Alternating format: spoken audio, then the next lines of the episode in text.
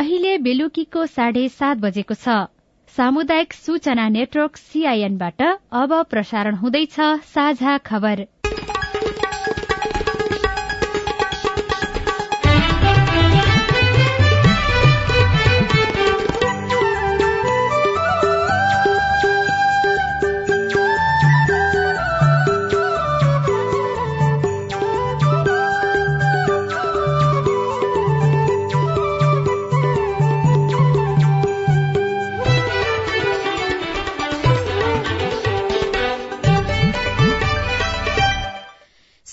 सीआईएनको साझा खबरबाट सोभिता रिसालको नमस्कार। साझा खबर देशभरिका सामुदायिक radio CIN Khabar dot com र मोबाइल एप सीआईएनमा पनि सुन्न सकिन्छ।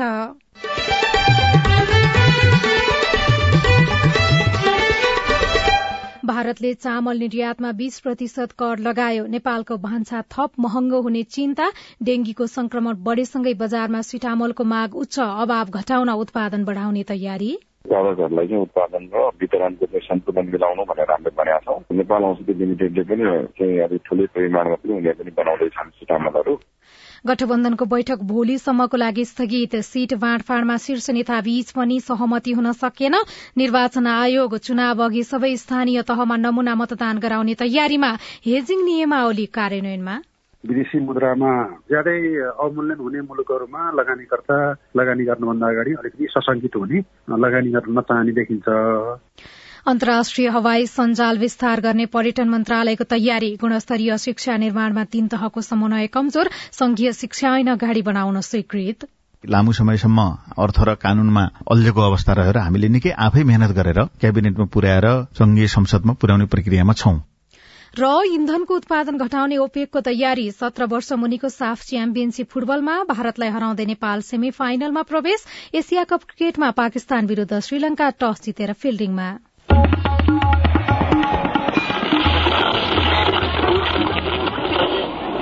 रेडियो। हजारौं रेडियो कर्मी र करोड़ौं नेपालीको माझमा यो हो सामुदायिक सूचना नेटवर्क। सीआईएन बलात्कार जघन्य अपराध हो। नेपालको कानूनले अठार वर्षभन्दा कम उमेरको बालिकासँग सहमतिमा नै भएको शारीरिक सम्बन्धलाई समेत बलात्कार मानेको छ। तर कानूनको ज्ञान र चेतनाको अभावमा नाबालिगहरू बलात्कृत हुने क्रम घटेको छैन। यसलाई न्यूनीकरण गर्नको लागि अभिभावक स्वयंले पनि कानूनको बारेमा ज्ञान राख्ने तथा आफ्ना छोराछोरी भाइ बहिनी तथा छर छिमेकका बालबालिका र वयस्कलाई समेत सम्झाउनु पर्ने आवश्यकता देखिन्छ। जनचेतनाको लागि सरकारले गर्ने लगानी पनि बढ़ाउनु पर्ने भएको छ। अब खबर सुशीला श्रेष्ठबाट। भारत सरकारले आजदेखि लागू हुने गरी चामल निर्यातमा बीस प्रतिशत कर लगाउने निर्णय गरेसँगै नेपालको भान्सा थप महँगो हुने देखिएको छ। चिनी र गहुँको निर्यातमा प्रतिबन्ध लगाएको भारत सरकारले आन्तरिक खाद्य सुरक्षालाई ध्यानमा राखेर चामल निर्यातमा पनि कर लगाएको बताएको छ। यसले गर्दा अब नेपालमा चामलको मूल्य बढ़ने देखिएको छ। नेपालमा वार्षिक रूपमा करिब बत्तीस लाख मेट्रिक टन चामलको माग रहेको छ। तर आन्तरिक उत्पादन पर्याप्त नहुँदा पाँचदेखि छ लाख मेट्रिक टन चामल अपुग हुँदै आएको छ। जसको परिपूर्तिका लागि भारतबाट मात्रै वार्षिक पाँच अर्ब भन्दा बढ़ीको चामल आयात हुने गरेको छ। नेपालले गत आर्थिक वर्षमा मात्रै भारतबाट पाँच अर्ब सात करोड़ पैंतिस लाख चौतिस हजार रूपियाँ बराबरको सडसठी हजार आठ सय चार मेट्रिक टन चामल आयात गरेको थियो। चालू आर्थिक वर्षको साउनमा मात्रै भारतबाट नेपालले सत्ताइस करोड़ चौरानब्बे लाख सत्र हजार रूपियाँ बराबरको तीन हजार छ सय सैतिस मेट्रिक टन चामल आयात गरेको छ। यसमा बीस प्रतिशत कर जोडिने बित्तिकै नेपालमा चामलको मूल्य बढ़नेछ। चामलको लागि बाह्य बजारको भर पर्नुभन्दा अब आन्तरिक उत्पादनलाई बढ़ाउनुको विकल्प नरहेको विज्ञहरू बताउँछन्। सीआईएनसँग कुरा गर्दै अर्थविज्ञ डाक्टर चन्द्रमणि अधिकारीले अब खाद्यान्नको आन्तरिक उत्पादन बढ़ाउन सरकारले जोड़ दिनुपर्ने बताउनुभयो। यसले के सिकाइदियो भने आफ्नो रक्षा आफैले गर्नुपर्छ। आफ्नो राष्ट्रिय स्वार्थ आफैले गर्नुपर्छ आफ्नो नागरिकलाई आफैले जोगाउनु पर्छ भन्ने सिकाएको छ। यसले चाहिँ हाम्रो आन्तरिक उत्पादन बढाउनु पर्छ र नेपाल जस्तो देशमा जहाँ सम्भाव्यता छ आफूलाई पुग्ने उत्पादन आफैले गर्न सकिन्छ भन्ने कुरा यसले पाठ पनि पढाएको छ है। त्यस कारणले गर्दा यसले भविष्यलाई यसबाट पाठ सिक्ने हो भने चाहिँ नेपालले राम्रो चाहिँ नि मनभित्र राखेर अगाडि बढ्यो भने यसबाट फाइदा पनि छ। पूर्व कृषि मन्त्री हरिबोल गजरेलले भने नेपालमा खाद्य उत्पादन बढ़ाउन सबैको सक्रियता आवश्यक रहने बताउनुहुन्छ। सीआईएनसँग कुरा गर्दै उहाँले सबैको साझा प्रयास र सक्रियतामा नेपालमा कृषि उत्पादन बढ़ाई यसबाट खाद्यान्नमा आत्मनिर्भर हुन सकिने बताउनुभयो। हामीले चाहिँ के भने हामी अब एक वर्षमा हरियो तरकारी आयात गर्दैनौँ दुई वर्षमा आलु प्याज आयात गर्दैनौँ तीन वर्षमा धान मकै आयात गर्दैनौँ। पाँच वर्षमा हामी चाहिँ फलफुल आयात गर्दैनौँ भनेर सरकारले एउटा श्वेत पत्र जारी गर्यो भने त्यसपछि तरकारी खेती सुरु भइहाल्छ कृषिले प्राथमिकता पाइहाल्छ अनुदान सन्धान केही चाहिँदैन आफै सुरु गर्छ। नेताहरूले राम्रोसँग बहस चलाउने हो भने एउटा अवसर पनि हो नि त। त्यस्तो क्राइसिसकै बेला चाहिँ जनता पनि एकताबद्ध हुन्छ होइन? एउटा जागरण पनि पैदा हुन्छ। त्यसले मलाई त्यो ढङ्गले अब अलिकति हामीले गम्भीर ढङ्गले छलफल गरेर अब यो खेलमा अलिक गम्भीर हुनु जरुरी छ। नेपालमा भारतसँगै चीन Japan Korea Thailand Indonesia Bhutan Vietnam र इटाली लगायत दश देशहरूबाट चामल आयात हुने गरेको छ। भन्सार विभागको तथ्याङ्क अनुसार पछिल्ला वर्ष धान चामल कनिका लगायतको आयात निरन्तर बढ़िरहेको छ। पाँच वर्ष अघि करिब पाँच लाख चालिस हजार मेट्रिक टन चामल आयात भएकोमा गत वर्ष आठ लाख नब्बे हजार मेट्रिक टन पुगेको छ। यसपालि त्यो भन्दा धेरै धान चामल आयात हुन सक्ने सरकारी आकलन रहेको छ।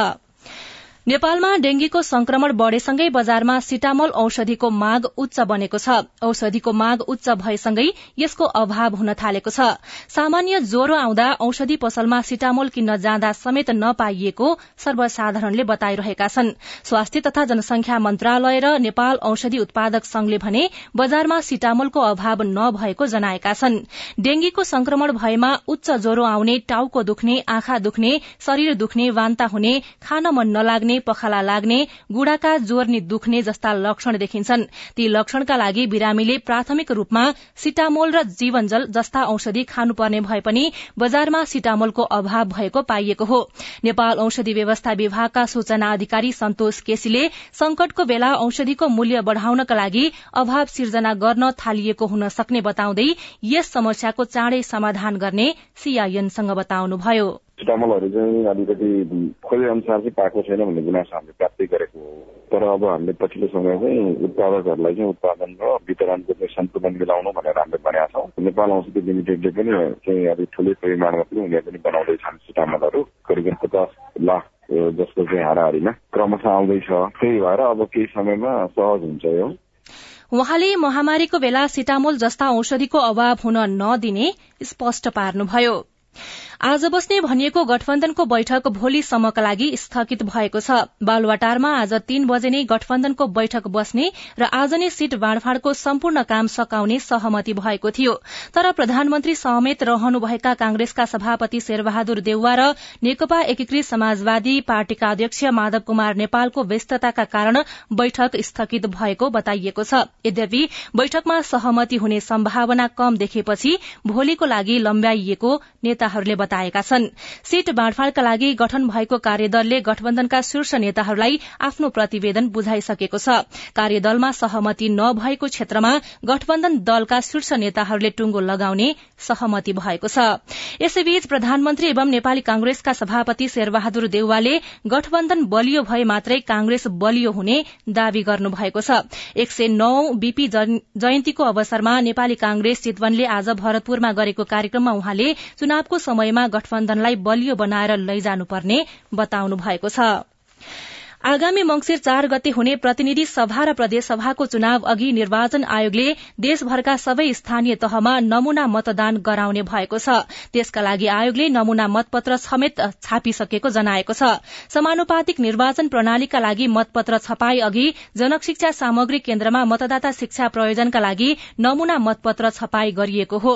निर्वाचनमा बदर मत घटाउनका लागि आयोगले यो कार्यक्रम गर्न लागेको आयोगका प्रवक्ता शालिग्राम शर्मा पौडेलले सीआईएनसँग बताउनुभयो सरकारले हेजिङ नियमावली तयार पारी कार्यान्वयन शुरू गरेको छ। अर्थ मन्त्रालयले हिजो राजपत्रमा सूचना प्रकाशित गरी हेजिङ नियमावली कार्यान्वयनमा ल्याएको हो।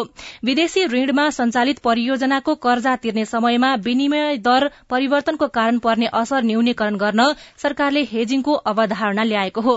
हेजिङ गर्नका लागि लाग्ने शुल्कको अधिकतम बीस प्रतिशतसम्म सरकारले बेहोर्ने राजपत्रमा प्रकाशित नियमावलीमा उल्लेख रहेको छ। हेजिङ भनेको अन्तर्राष्ट्रिय मुद्रा कोषले कायम गरेको स्पेशल ड्रइङ राइट्स एडीआर भित्र पर्ने विदेशी मुद्रामा कायम गरेको ऋण लगानी फिर्ता हुन सक्ने विदेशी विनिमय दर जोखिम न्यूनीकरणको लागि त्यस्तो लगानी गर्दा जुन विनिमय दरमा विदेशी मुद्रा बैंकमा जम्मा गरेको हो सोही विनिमय दरमा हेजिङ सम्झौतामा निर्धारण भए बमोजिम ऋणको सावा ब्याज भुक्तानी गरी लगानी फिर्ता लैजान पाउने गरी गरिएको विदेशी मुद्राको विनिमय दर स्थिर गर्ने कार्य हो। अर्थमन्त्री जनार्दन शर्माले यो हेजिङ नेपालको लागि आवश्यक रहेको भन्दै यसको बारेमा बुझाउन आफूले पहल गरिरहेको बताउनु भएको छ। आवश्यक रहेछ भने मोसभरि हेजिङको विषय उठाएको त्यो हेजिङको कुरा अहिलेसम्म फाइनल नभएको। मैले राष्ट्र ब्याङ्कलाई हेजिङको बारे बुझाउन धेरै मेहनत गरेको छु बम्बार चाहिँ हुनुहुन्छ। ब्युरोक्रेसीलाई हेजिङको बारे बुझाउन धेरै मेहनत गरेको छु तर बुझ्दैन। अहिले एउटा हेजिङ सम्बन्धी नियावली मुस्किलले ठूलो लडाईँ लडेर यो मन्त्रालय हाइड्रो पावरको जो झन् अझ सबभन्दा बढी चाहिने पनि त्यही हाइड्रो पावर सेक्टरले के गर्छ भन्दा चाहिन्न हेजिङ भन्छ। यसबारेमा नेपालमा फरक फरक धारणा रहेको छ। हेजिङ नियमावली कार्यान्वयनमा आएपछि असर पर्छ। सीआईएनसँग कुरा गर्दै अर्थविद रामेश्वर खनालले भन्नुभयो विदेशी मुद्रामा ज्यादै अवमूल्यन हुने मुलुकहरूमा लगानीकर्ता लगानी गर्नुभन्दा अगाडि अलिकति सशङ्कित हुने लगानी गर्न नचाहने देखिन्छ। अब यसमा प्रश्न के पनि उठ्छ भने निजी क्षेत्रको विदेशी लगानीकर्तालाई नेपालमा विदेशी मुद्रा लगानीमा लिएर आएर घाटा खायो भने घाटा त उसको उसको घाटा सरकारले किन बेहोर्दैन करदाताले किन बेहोर्दिने भन्ने प्रश्न उठ्ने भएको हुनाले धेरै समयसम्म त्यो अल्झेर बसेका थियो। यदि केही गरी नेपाली मुद्राको अवमूल्यन भएन भने त त्यो जोखिम रहँदैन सरकारले केही बेहोर्नु पर्दैन। नेपाली मुद्राको अवमूल्यन भयो भने मात्रै त्यो जोखिम चाहिँ आउने हो साझा खबरमा अब विदेशको खबर। पेट्रोलियम पदार्थ निर्यात गर्ने देशहरूको संगठन ओपेकले असोजको दोस्रो सातादेखि उत्पादनमा कटौती गर्ने घोषणा गरेको छ। ओपेक र यसका सहयोगी समूहहरूले हालै घटेको इन्धनको मूल्यलाई बलियो बनाउन असोजको दोस्रो सातादेखि उत्पादनमा कटौती गर्ने घोषणा गरेका हुन्। इन्धनका गठबन्धनले अहिलेको तुलनामा असोजको दोस्रो सातादेखि प्रतिदिन एक लाख ब्यारेलले उत्पादन कटौती गर्ने निर्णय गरेको छ। ओपेक र गैर ओपेक मन्त्री स्तरीय बत्तीसौं बैठकपछि जारी जारी गरिएको विज्ञप्ति मार्फत उक्त विषय जानकारी गराइएको अन्तर्राष्ट्रिय संचार माध्यमले लेखेका छन्। साझा खबरमा अब खेल खबर। श्रीलंकामा जारी साफ सत्र वर्ष मुनिका च्याम्पियनशीप फुटबलमा नेपाल समूह बी को विजेता बन्दै सेमी फाइनलमा प्रवेश गरेको छ। कोलम्बोमा आज भएको खेलमा नेपालले भारतलाई तीन एक गोल अन्तरले हराउँदै विजेता बनेको हो। यस जितसँगै नेपालले दुई खेलमा छ अंक जोडेको छ। नेपालले पहिलो खेलमा भूटानलाई दुई एक गोल अन्तरले हराएको थियो। भारतले पनि भूटानलाई तीन शून्यले हराएको थियो। दुवै खेलमा हार बेहोरेको भूटान बाहिरिसकेको छ। र एसिया कप क्रिकेटमा आज श्रीलंका र पाकिस्तान बीच खेल हुँदैछ। दुवैमा अहिले केही बेरमा शुरू हुने खेलमा श्रीलंकाले टस जितेर ब्याटिङ रोजेको छ।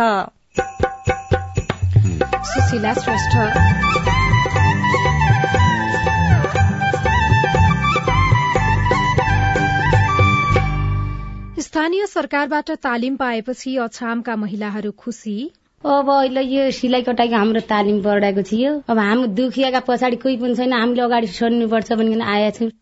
स्थानीय तहको लक्षित समूह केन्द्रित कार्यक्रम प्रभावकारी रिपोर्ट शिक्षाको गुणस्तर सुधारका लागि शिक्षा मन्त्रालयले के गरिरहेको छ? शिक्षा मन्त्रीसँगको विशेष कुराकानी बाँकी नै छ।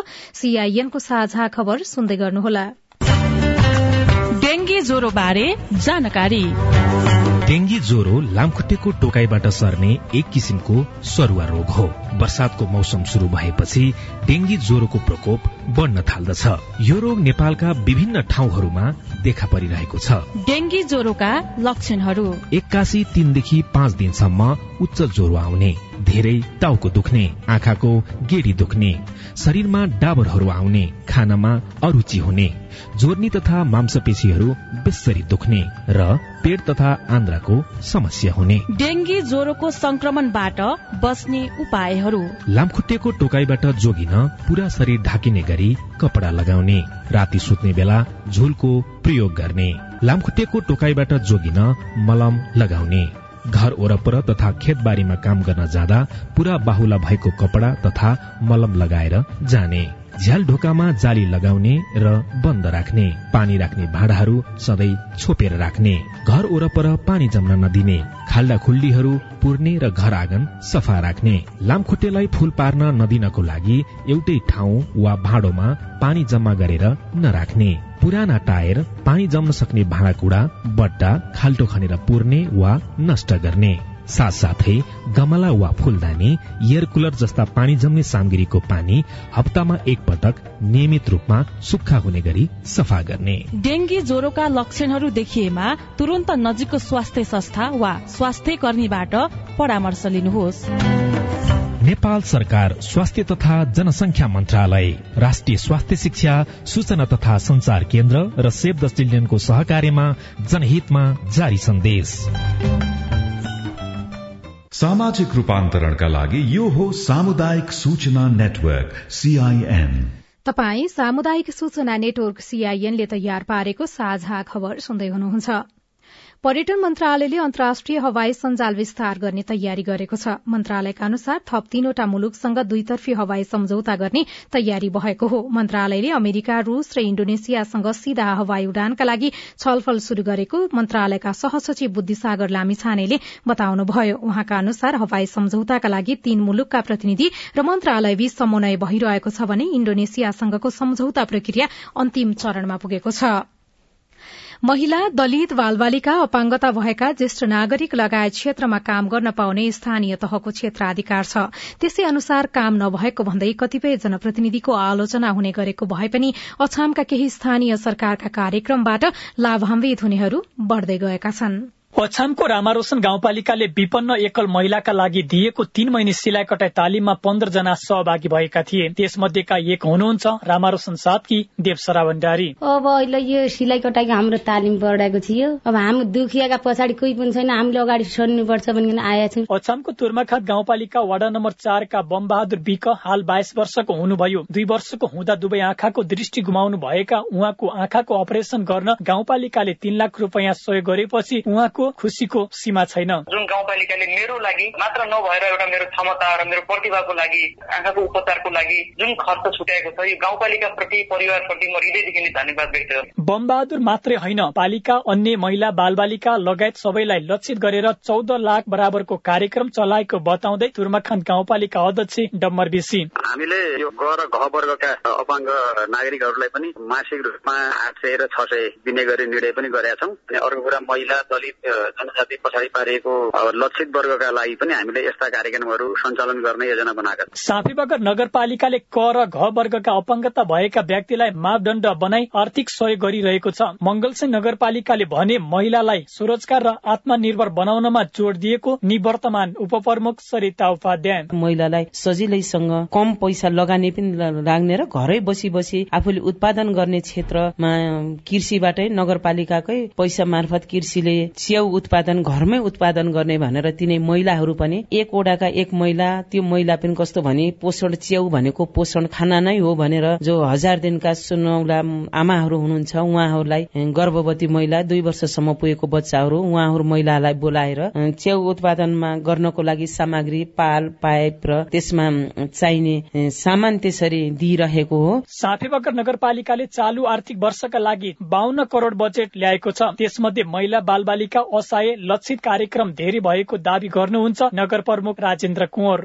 गर्भवती महिलाहरूसँग नगर उपप्रमुख कुशेली कार्यक्रम पटक पटक गरेका छौं र ज्येष्ठ नागरिकलाई देश दर्शन र अपाङ देश हामीले भ्रमण गराइरहेका छौं। अब अपाङ्गता भएका ग वर्गका व्यक्तिलाई आर्थिक सहयोग गरेका छौं। आमा बुबा गुमाएका बाल बालिकालाई पटक पटक शैक्षिक सामग्री हामी वितरण गरेका छौं। हिंसामा परेका महिलाहरूलाई आर्थिक सहयोग र अन्तक्रिया कार्यक्रम गरेका छौं। विभिन्न क्षेत्रमा उत्कृष्ट योगदान पुर्याएका महिलाहरूलाई सम्मान कार्यक्रम गरेका छौं। बजेट ल्याउँदा सबै स्थानीय तहलाई लक्षित वर्ग र समुदायलाई प्रत्यक्ष योगदान पुग्ने कार्यक्रम समावेश गर्न संघीय मामिला तथा सामान्य प्रशासन मन्त्रालयले भन्दै आएको छ। त्यस अनुसारको बजेट तथा कार्यक्रम तय गरे पनि कतिपय स्थानीय तहले रकम खर्च गरेको गुनासो सुनिने गरेको छ। Anand south CIN radio Ramaroshan ठुला सिनछाम आध्यात्मिक यात्राबाट माटो र प्रकृति बचाउने अभियान सञ्चालन गरिरहनुभएका चर्चित धर्मगुरू सद्गुरूले भौतिक पूर्वाधारका नाममा नेपालले औद्योगिकरणको बाटो अवलम्बन गरे यहाँको सौन्दर्यता विलय भएर जाने बताउनु भएको छ। झण्डै एक हजार धार्मिक पर्यटक सहित हुम्लाको सदरमुकाम सिमकोट पुग्नुभएका सद्गुरूले नेपालको सौन्दर्यताको वर्णन गर्दै यस्तो बताउनु भएको हो। आध्यात्मिक यात्राबाट माटो र प्रकृति बचाउने अभियान सञ्चालन गरिरहनुभएका चर्चे धर्मगुरू सद्गुरूको आवागमन सँगै हुम्लाको भूमि भएर कैलाश मानसरोवरको दूरदर्शन गर्ने पर्यटकको संख्या दुई सातामा एक हजार नआएको छ। पोखराबाट हेलिकप्टर चार्टर गरेर हुम्ला सदरमुकाम सिमकुट हुँदै नामखा गाउँपालिकाको लाप्चा भन्ज्याङबाट कैलाश मानसरोवरको दूरदर्शन गर्न यति बेला सद्गुरू सिमकुट पुग्नु भएको छ। नेपालको सौन्दर्यताको तारिफ गर्दै उहाँले भौतिक पूर्वाधारको विकासका नाममा औद्योगिकरणमा गए यहाँका सुन्दर क्षेत्रहरू विलय भएर जाने बताउनुभयो। We must keep it this way. It's very important because its strength is in its beauty. We should not go like other countries have gone in industrialization. भौतिक रूपमा मान्छे कैलाश जाने बाटो बन्द भएका बेला दोस्रो पटक हुम्ला पुग्नु भएका उहाँले धार्मिक र पर्यटकीय हिसाबले नेपाललाई विश्वकै दोस्रो बाली र स्विजरल्याण्डको उपमा समेत दिन भ्याउनु भयो Nepal can be both, uh, you know, a second Bali in the world and also a nation Switzerland in the world. It's very much possible. You have everything in place. It just needs a little infrastructure and promotion. Corona संक्रमण पछि लगातार दुई वर्ष थला परेको हुम्लाको पर्यटन क्षेत्रले सद्गुरूका कारण तंग्रिने अवसर प्राप्त गरेको यहाँका स्थानीय तहले प्रतिक्रिया दिएका छन्। चिमकोट पुगे लगत्तै सद्गुरू हेलिकप्टरबाट नामका गाउँपालिकाको टाक्सी जानु भएको छ। भदौ शुक्ल पूर्णिमाको अवसर पारेर भोलि लाप्चा भन्ज्याङबाट उहाँले कैलाश मानसरोवरको दूरदर्शन गर्ने कार्यक्रम रहेको छ। महतारा सीआईएन रेडियो कर्णाली आवाज सिमकोट हुम्ला। तपाई सामुदायिक सूचना नेटवर्क सीआईएनले काठमाण्डुमा तयार पारेको साझा खबर सुन्दै हुनुहुन्छ। शिक्षा ऐनले शिक्षा क्षेत्रको समस्या समाधानमा भूमिका खेल्छ। समस्या सुल्झाउने गरी उठेका विषयहरू विज्ञहरूसँग छलफल चलाएर राज्यको तर्फबाट सकेसम्म अहिलेका समस्याहरूलाई सहज रूपमा पकाउने गरी हामीले चाहिँ अगाडि बढाएका छौं। शिक्षा मन्त्री देवेन्द्र पौडेलसँगको विशेष कुराकानी बाँकी नै छ। सीआईएनको साझा खबर सुन्दै गर्नुहोला।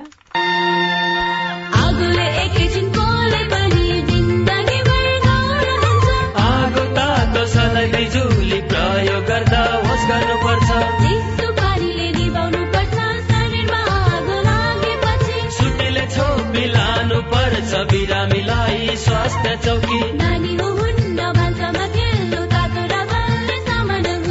होस् गरी चलाऊ स्टोभ र ग्यास भुइँमा पकाए दुर्घटना बढ्छ। अग्निजन्य दुर्घटना भएमा शून्य एक पचपन्न पचपन्न छ आठ नौमा सम्पर्क गर्नुहोस्। बीबीएस नेपाल ललितपुर। नेपाल टेलिकमको सूचनाको संसार। होइन के सुनेको यस्तो ध्यान दिएर दोहोरो बोलेको जस्तो नि देख्दिन। तीन दुई एक शून्य शून्य क्या? तीन दुई एक शून्य शून्य। के हो त्यो भने? बुझिन त। ल सुन एनटिसी प्रयोगकर्ताहरूले आफ्नो मोबाइल तथा ल्यान्डलाइनमा तीन दुई एक शून्य शून्य डायल गरी समाचार रेडियो कार्यक्रम खेल र अन्य विषय बारे सन्देशहरू जुनसुकै बेला निशुल्क सुन्न सक्छन्। ओहो निशुल्क? कस्तो सजिलो। समाचार सुन्न छुट्यो भनेर पिर लागेको थियो। अब त म पनि सुनिहाल्छु। कति रे? तीन दुई एक। शून्य शून्य सामाजिक रूपान्तरणका लागि यो हो सामुदायिक सूचना नेटवर्क सीआईएन तपाई सामुदायिक सूचना नेटवर्क सीआईएनले काठमाण्डुमा तयार पारेको साझा खबर सुन्दै हुनुहुन्छ। सरकारले लामो समयको प्रतीक्षापछि संघीय शिक्षा ऐन अगाडि बढ़ाउन स्वीकृति दिएको छ। ऐनमा भएको व्यवस्था गुणस्तरीय शिक्षाका लागि तीन तहका सरकारबीचको समन्वय र सुधारका बारेमा हामीले शिक्षा विज्ञान तथा प्रविधि मन्त्री देवेन्द्र पौडेलसँग कुराकानी गरेका छौं। लामो समयसम्म अर्थ र कानूनमा अल्झेको अवस्था रहेर हामीले निकै आफै मेहनत गरेर क्याबिनेटमा पुर्याएर संघीय संसदमा पुर्याउने प्रक्रियामा छौं। जसरी पनि संसदमा यो संघीय शिक्षा ऐन मात्रै होइन छवटा ऐन हामीले ड्राफ्ट गरेर अगाडि बढाएको अवस्था हो। प्राविधिक शिक्षा उच्च शिक्षा प्रतिष्ठानसित सम्बन्धित शिक्षा सबै शिक्षाहरूलाई कानूनी सुधारको निम्ति कतिपय अल्झेका कुराहरू हामीले पछि गरेको संघीय प्रणाली अनुरूप अगाडि बढाएका छौं। हामी चाहिँ संघीय संसद मध्ये जुन संसद जीवित रहन्छ त्यही संसदमा पुर्याउने प्रतिबद्धता म व्यक्त गर्न चाहन्छु। अबको प्रक्रिया के हुन्छ? त्यो करिब करिब अब राज्यले क्याबिनेटले निर्णय गरिसकेपछि ओनरसिप लिइसकेको अवस्था हो। विधेयक समितिमा छलफल हुन्छ। पुनः चाहिँ क्याबिनेटबाटै फेरि अर्को पटक स्वीकृति प्राप्त गरेर संसदमा जान्छ र संसदमा गइसकेपछि संसदीय प्रक्रिया अनुरूप अगाडि बढ्छ। समग्रमा अहिले देखिएका यो यो विषयहरू बढ़ी हामी सम्बोधन गर्ने गरी ल्याउन खोज्दैछौँ भन्ने त्यसो भन्न मिल्ने केही छ? समस्या सुल्झाउने गरी उठेका विषयहरू विज्ञहरूसँग छलफल चलाएर राज्यको तर्फबाट सकेसम्म अहिलेका समस्याहरूलाई सहज रूपमा पकाउने गरी हामीले चाहिँ अगाडि बढाएका छौं। छुटपुट भयो भनेदेखि मेरो विषय परो परेर अहिले बहस गर्ने कुरा होइन। पार्लियामेन्टमा गइसकेपछि सार्वजनिक हुन्छ। प्रदेशबाट स्थानीय तहबाट गरेको अपेक्षा अथवा स्थानीय तह र प्रदेश सरकारले संघ सरकार एउटा विषयगत मन्त्रीको हिसाबमा गरेको अपेक्षा कसरी तालमेल भइरहेका छ कि छैन? तालमेल भइरहेका छ। हामी प्रदेशका सामाजिक विकास मन्त्रीहरूसँग पनि बेला बखत छलफलमै छौं। प्रदेशको शिक्षासित सम्बन्धित सचिवहरूसित पनि निरन्तर हामी संवाद छलफलमा छौं।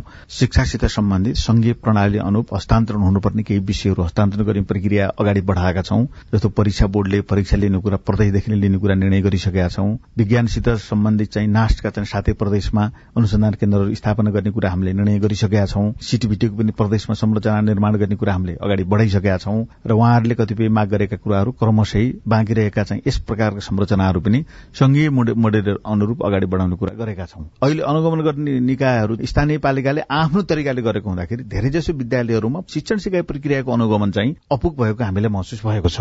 त्यसमा प्रदेश सरकारले थप यसरी समन्वय गरिदिए हुन्थ्यो। प्रदेश सरकारले त्यो समस्यालाई अथवा त्यो लगायत अरू यावत समस्याहरूको समाधानको लागि प्रदेशलाई शिक्षा सम्बन्धी हेर्ने त्यति धेरै अधिकार चाहिँ छैन। र एक दुईटा हामीले शिक्षा महासंघसँग यही अनुगमनका कुरा खास गरी बढुवाको त अर्को प्रसङ्ग छ सरुवाको कुराको विषयलाई लिएर।